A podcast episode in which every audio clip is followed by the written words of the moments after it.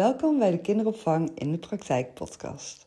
Ik ben Suzanne Akkermans, inmiddels ruim 25 jaar en meer ervaren in de kinderopvang. Begonnen als pedagogisch medewerker met mijn eigen kinderdagverblijf. Op mijn 23ste ben ik gaan ondernemen in de kinderopvang. En altijd heeft voor mij het kind op nummer 1 gestaan. Persoonlijke, kleinschalige, huiselijke kinderopvang. Dat was waar mijn kinderdagverblijf voor stond en nog steeds staat. Inmiddels heb ik mijn eigen kinderdagverblijf verkocht. Heb ik samen met mijn teamleden in het verleden tweemaal de award voor beste kinderdagverblijf van Noord-Brabant mogen winnen. En deel ik nu op landelijk niveau al mijn ervaringen, inzichten en kennis over de dagelijkse praktijk in de kinderopvang. Bij mij vind je geen theoretische onderbouwingen, geen ingewikkelde termen. Nee, gewoon echte dagelijkse praktijk.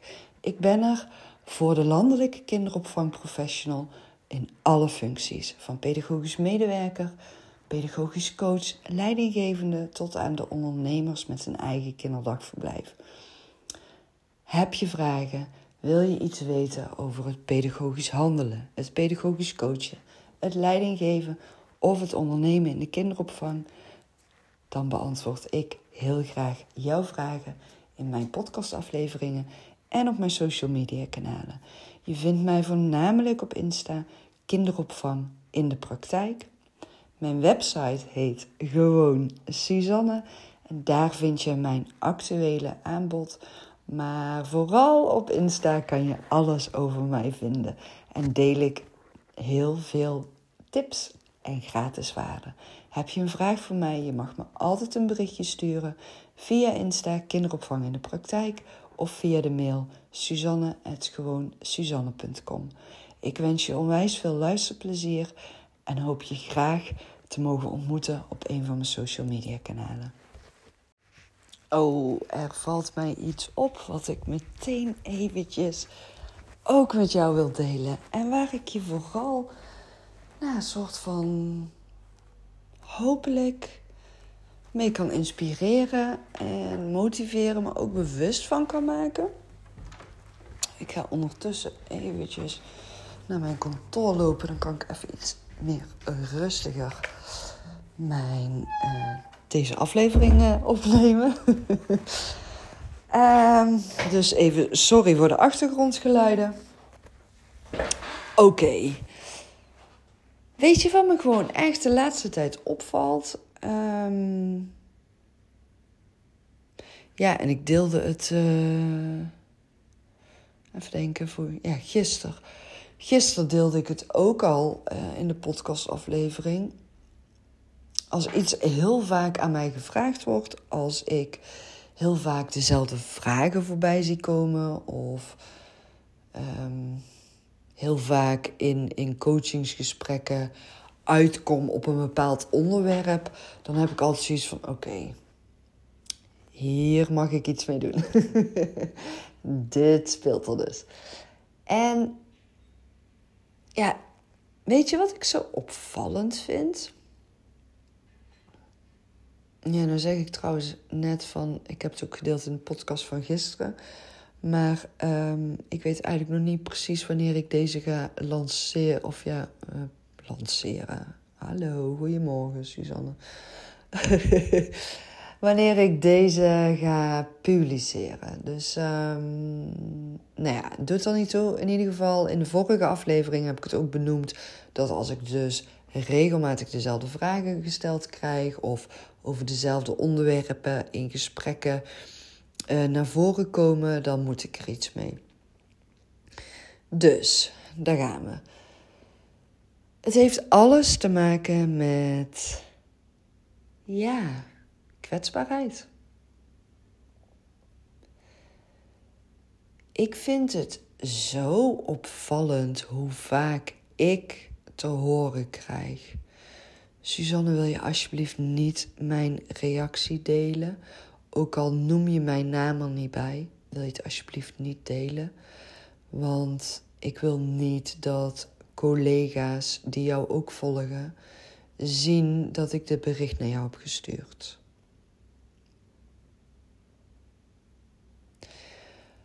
Um, Suzanne, wil je alsjeblieft niet mijn naam noemen? Want ik ben bang dat als collega's dat dan horen, dat ze meteen weten dat het over mij gaat. En um, ja, daar, vind ik gewoon, daar voel ik me niet uh, prettig bij, want uh, die weten niet dat ik bij jou coaching en advies krijg, of bij jou een training volg, of noem het maar op.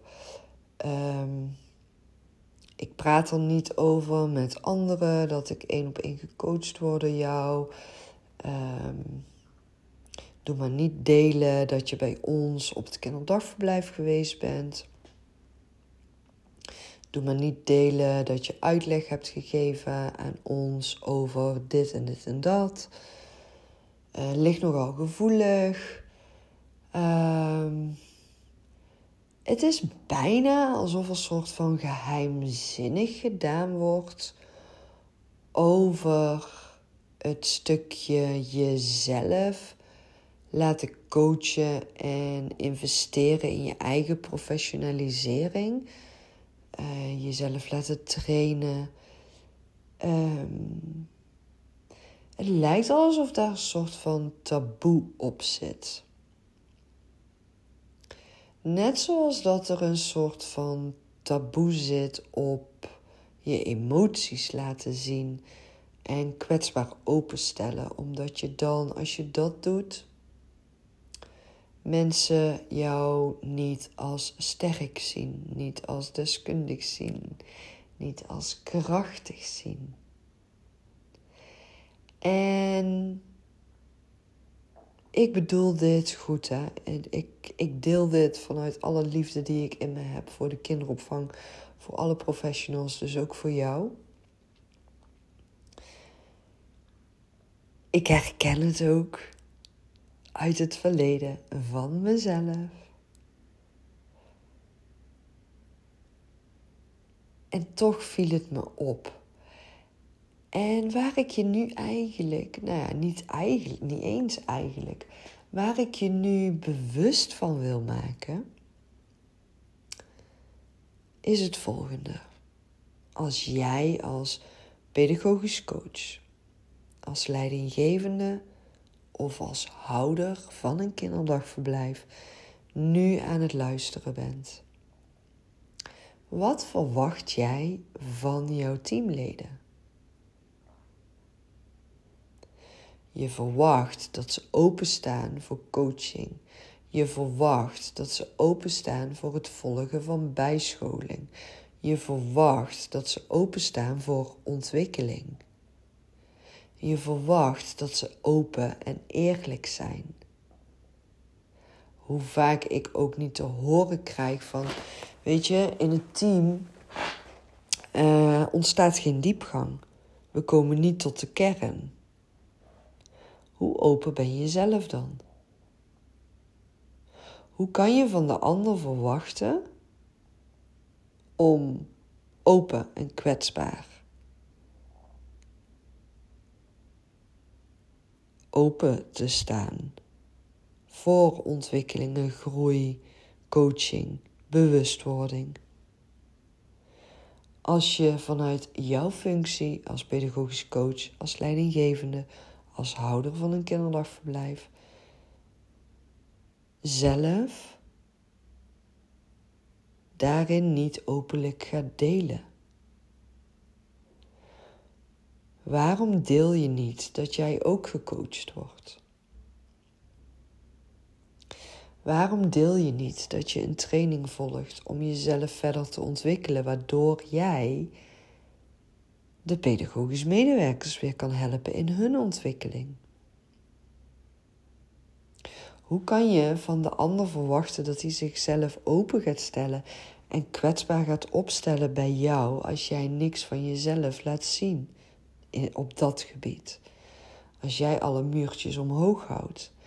En het is denk ik wel even heel belangrijk om nu een nuanceverschil uit te leggen hierin ook. Ehm, want ik bedoel dus niet.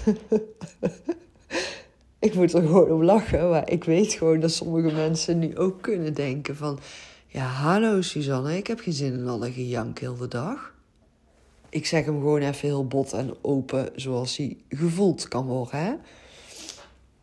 Ik zeg ook niet dat het de bedoeling is dat we allemaal de hele dag gaan lopen huilen.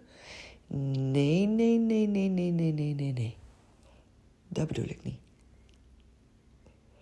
Ik ben zelf ook iemand die altijd zoiets heeft van op het thee, peper in de reet en door. en we gaan niet lopen janken om uh, een scheet die dwars zit. Maar bij mij mag er absoluut heel veel ruimte gegeven worden aan emoties die er zijn. En jezelf kwetsbaar laten zien. En wat bedoel ik dan met kwetsbaarheid? En wat bedoel ik dan met delen wat je um, voor je eigen persoonlijke ontwikkelingen aan het doen bent? Je hoeft echt niet van A tot Z met, met teamleden, met pedagogisch medewerkers te gaan delen. Oh, ik heb vandaag met mijn coach een gesprek gehad over dat ik het zo moeilijk vind om grenzen te stellen. Nee, Natuurlijk niet. Je hoeft niet inhoudelijk te gaan delen. Je hoeft niet zelf huilend rond te gaan lopen. Maar je hoeft ook niet stiekem te gaan lopen doen en geheimzinnig te gaan lopen doen over dat je zelf gecoacht wordt. Je hoeft ook niet geheimzinnig te doen dat je in je eigen professionele ontwikkeling aan het investeren bent. Je hoeft niet heel sterk en, en um, gevoelloos tegenover je team te staan wanneer tijdens een teamoverlegmoment jouw team een lading stront over je uitstort. Natuurlijk mag je dan zeggen dat het je raakt. Natuurlijk mag je dan zeggen dat je het moeilijk vindt. Natuurlijk mag je dan zeggen dat je ervan baalt. Natuurlijk mag je dan zeggen dat je je nu heel erg onzeker en kwetsbaar en eenzaam voelt ook. Het is zelfs goed en het is zelfs superkrachtig wanneer je dat kan uitspreken. Wanneer je dat durft uit te spreken. En ja, de allereerste keer, de tweede keer, de derde keer en misschien zelfs de vijfde keer ook nog voelt het super super kwetsbaar. Super eng. Voel je je hart in je keel. Heb ik ook gehad. Echt waar. Ik deed eerst ook geheimzinnig over dat ik uh, mezelf liet trainen en liet coachen en, en uh, uh, bijscholingen volgde. Vond ik in het begin ook ingewikkeld. En ik heb echt jarenlang met een of ander achterlijk masker rond proberen rond te lopen op mijn kinderdagverblijf. Waar gewoon consequent mislukte, omdat ik wat dat betreft. Ja, ik ben echt iemand, je hoeft me maar aan te kijken. En je ziet eigenlijk meteen wat ik denk of vind. Is ook heel irritant. En daar ben ik mezelf ook steeds meer in gaan trainen. Uh, en soms kan ik het heel goed verbergen, maar dat ligt echt aan de situatie.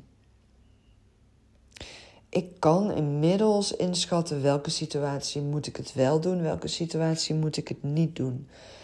En dat heb ik echt moeten leren, vond ik oprecht super, super, super moeilijk. Maar ik merkte wel hoe meer ik openlijk deelde over ik ga nu ook weer naar een coach toe. Of ik voel mezelf echt compleet uitgeput door alle slapeloze nachten nu ik er alleen voor sta met drie kleine kinderen. Ik voel mezelf verdrietig. Ik heb ook echt momenten gehad dat ik heb staan huilen in het kinderdagverblijf bij mijn teamleden. Gewoon door privésituaties.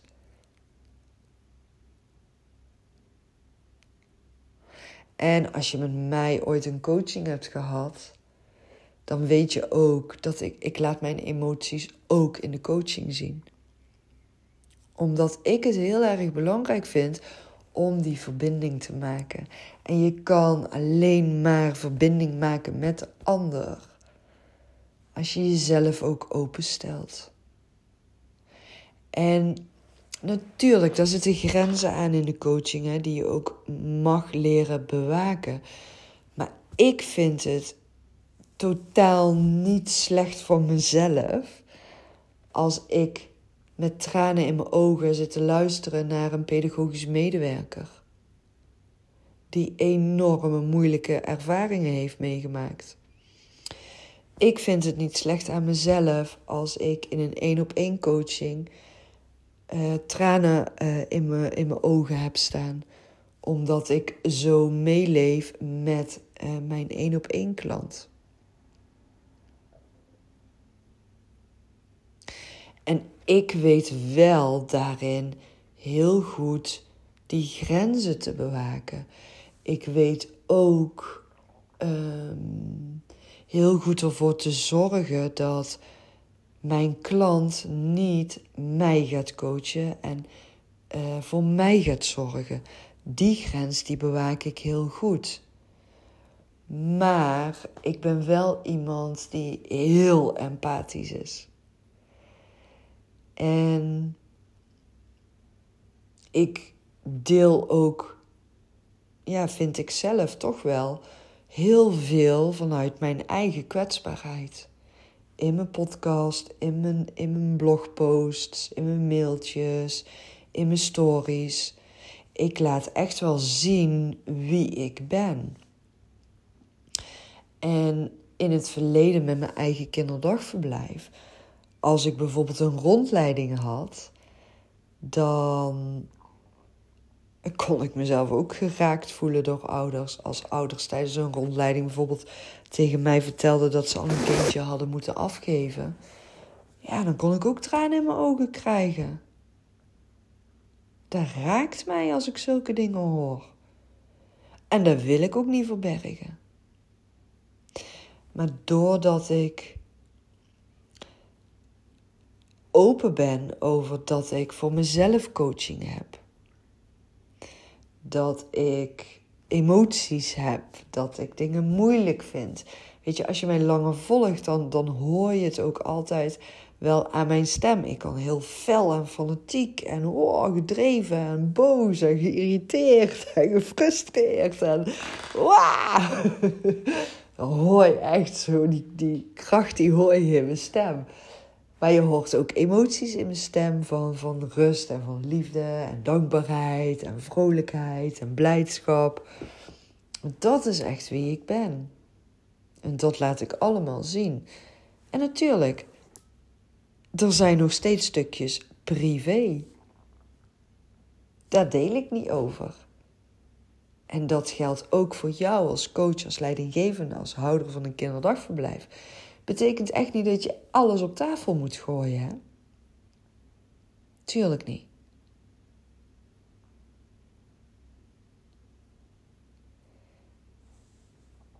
Maar het betekent ook niet dat je geheimzinnig moet doen. Als jij als coach zijnde, en nou ga ik hem eventjes inzoomen op het coachen. Als je als coach zijnde verwacht van pedagogische medewerkers dat zij zichzelf laten coachen door jou, wat houdt je dan tegen om openlijk uit te spreken bij de pedagogisch medewerkers dat je zelf ook gecoacht of getraind of geadviseerd wordt? Wat houdt je daarin tegen? Waar ben je bang voor? Juist door het uit te spreken, juist door te zeggen: ik investeer in coaching voor mezelf, zodat ik mezelf kan blijven ontwikkelen. En zodat ik zelf ook bewuster word van de manier waarop ik aan het coachen ben. De manier waarop ik vragen stel, de manier waarop ik leiding aan het geven ben, de manier waarop ik aan het ondernemen ben. Zodat ik jou daarin ook weer vooruit kan helpen als teamlid.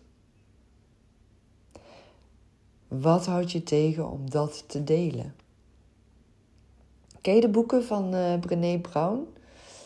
Moed van kwetsbaarheid en uh, durf te lijden. Uh, even kijken, welke heb ik nog meer?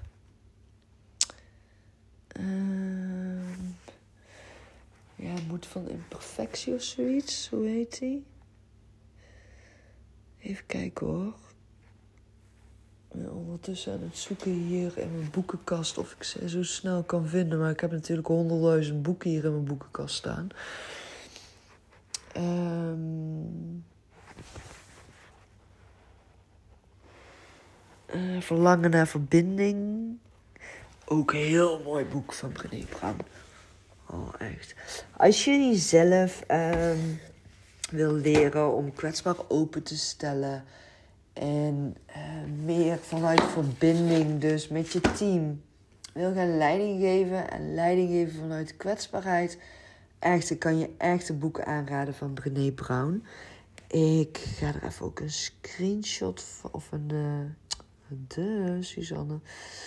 Um, ik ga er ook even een foto van maken. En dan ga ik hem ook uh, met je delen als ik de podcast deel. Ondertussen even aan het zoeken. Um, ja, durf te leiden. Kracht van kwetsbaarheid voor moedige leiders. Oh, echt fantastisch boek. Echt, daar heb je zoveel aan. Echt heel veel. Het helpt je echt in uh, begrijpen ook waarom je tegen bepaalde problemen met een team aan blijft lopen ook. En het is nogmaals, het is echt niet makkelijk. Ik heb het zelf ook ervaren, meerdere keren. En ik heb het volgens mij ook al eens vaker gedeeld in de podcastafleveringen. Um, dat het gewoon echt niet lekker liep in een in, uh, team van mij. En uh, nou ja, uiteindelijk daar ook hulp voor ingeschakeld. En uh, toen kreeg ik ook het advies van, weet je Suzanne, ga gewoon in gesprek met je teamleden. En ga aan jouw teamleden vragen waar zij tegenaan lopen en waar ze behoefte aan hebben. Vond een kei eng. Vond ik echt niet makkelijk. Ik vond het eng, ik vond het ingewikkeld. Uh, voelde me mega kwetsbaar. En uh, nou, ik ben het toch gaan doen. En ik heb echt huilend geluisterd naar alles waar de teamleden tegenaan waren gelopen.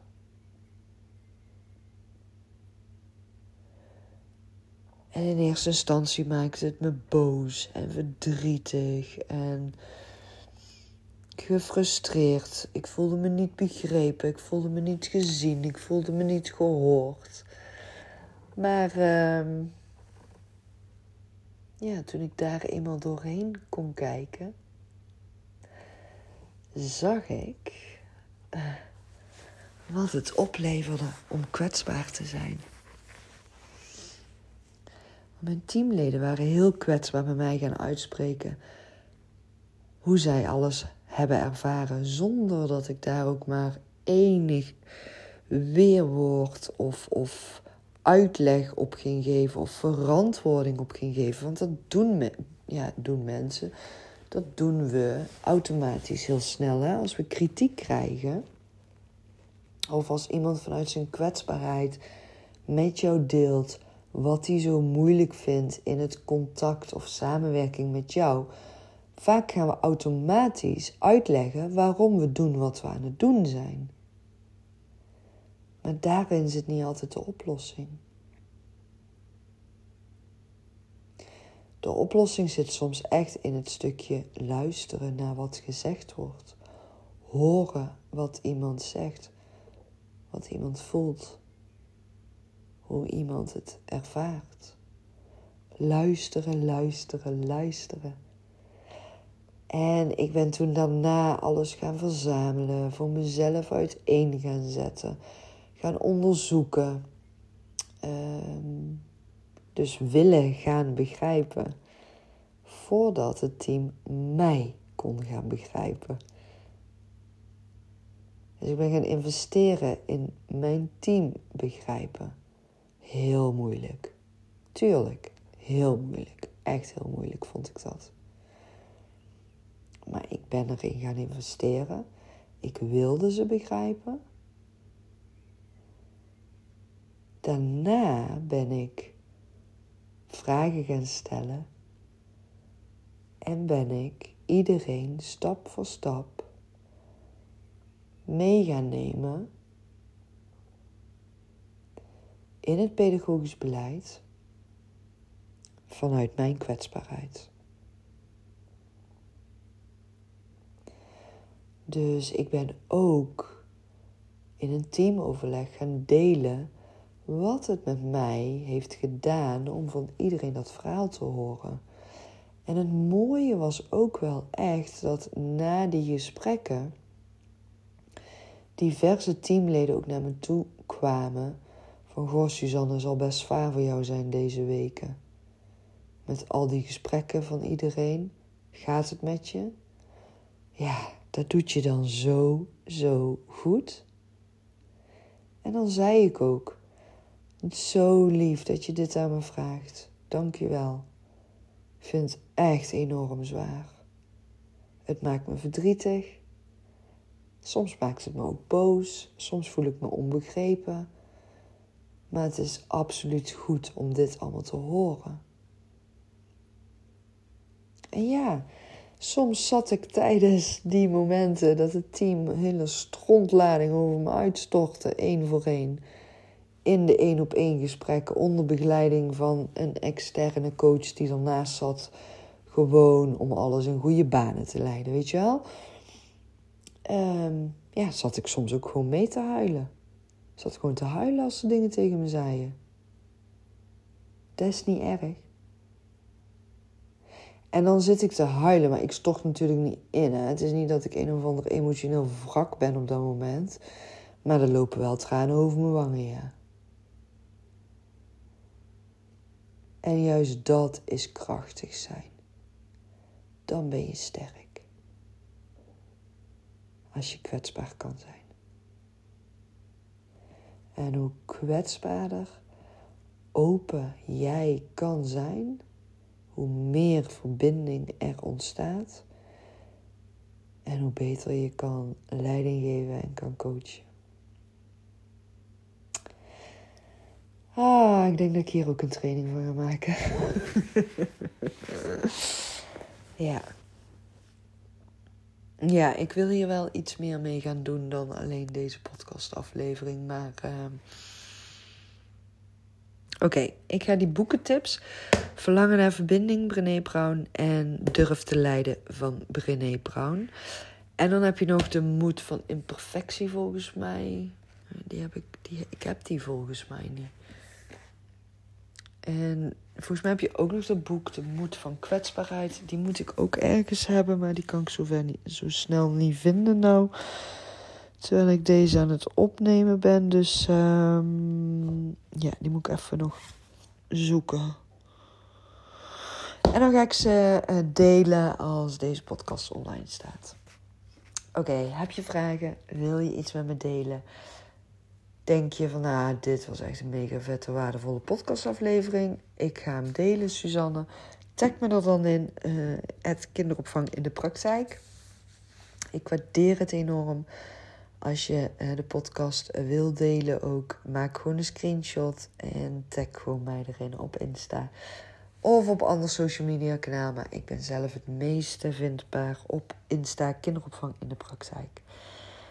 En ik ben heel benieuwd wat je er voor jezelf uit mee gaat nemen en wat je nu als eerste gaat doen.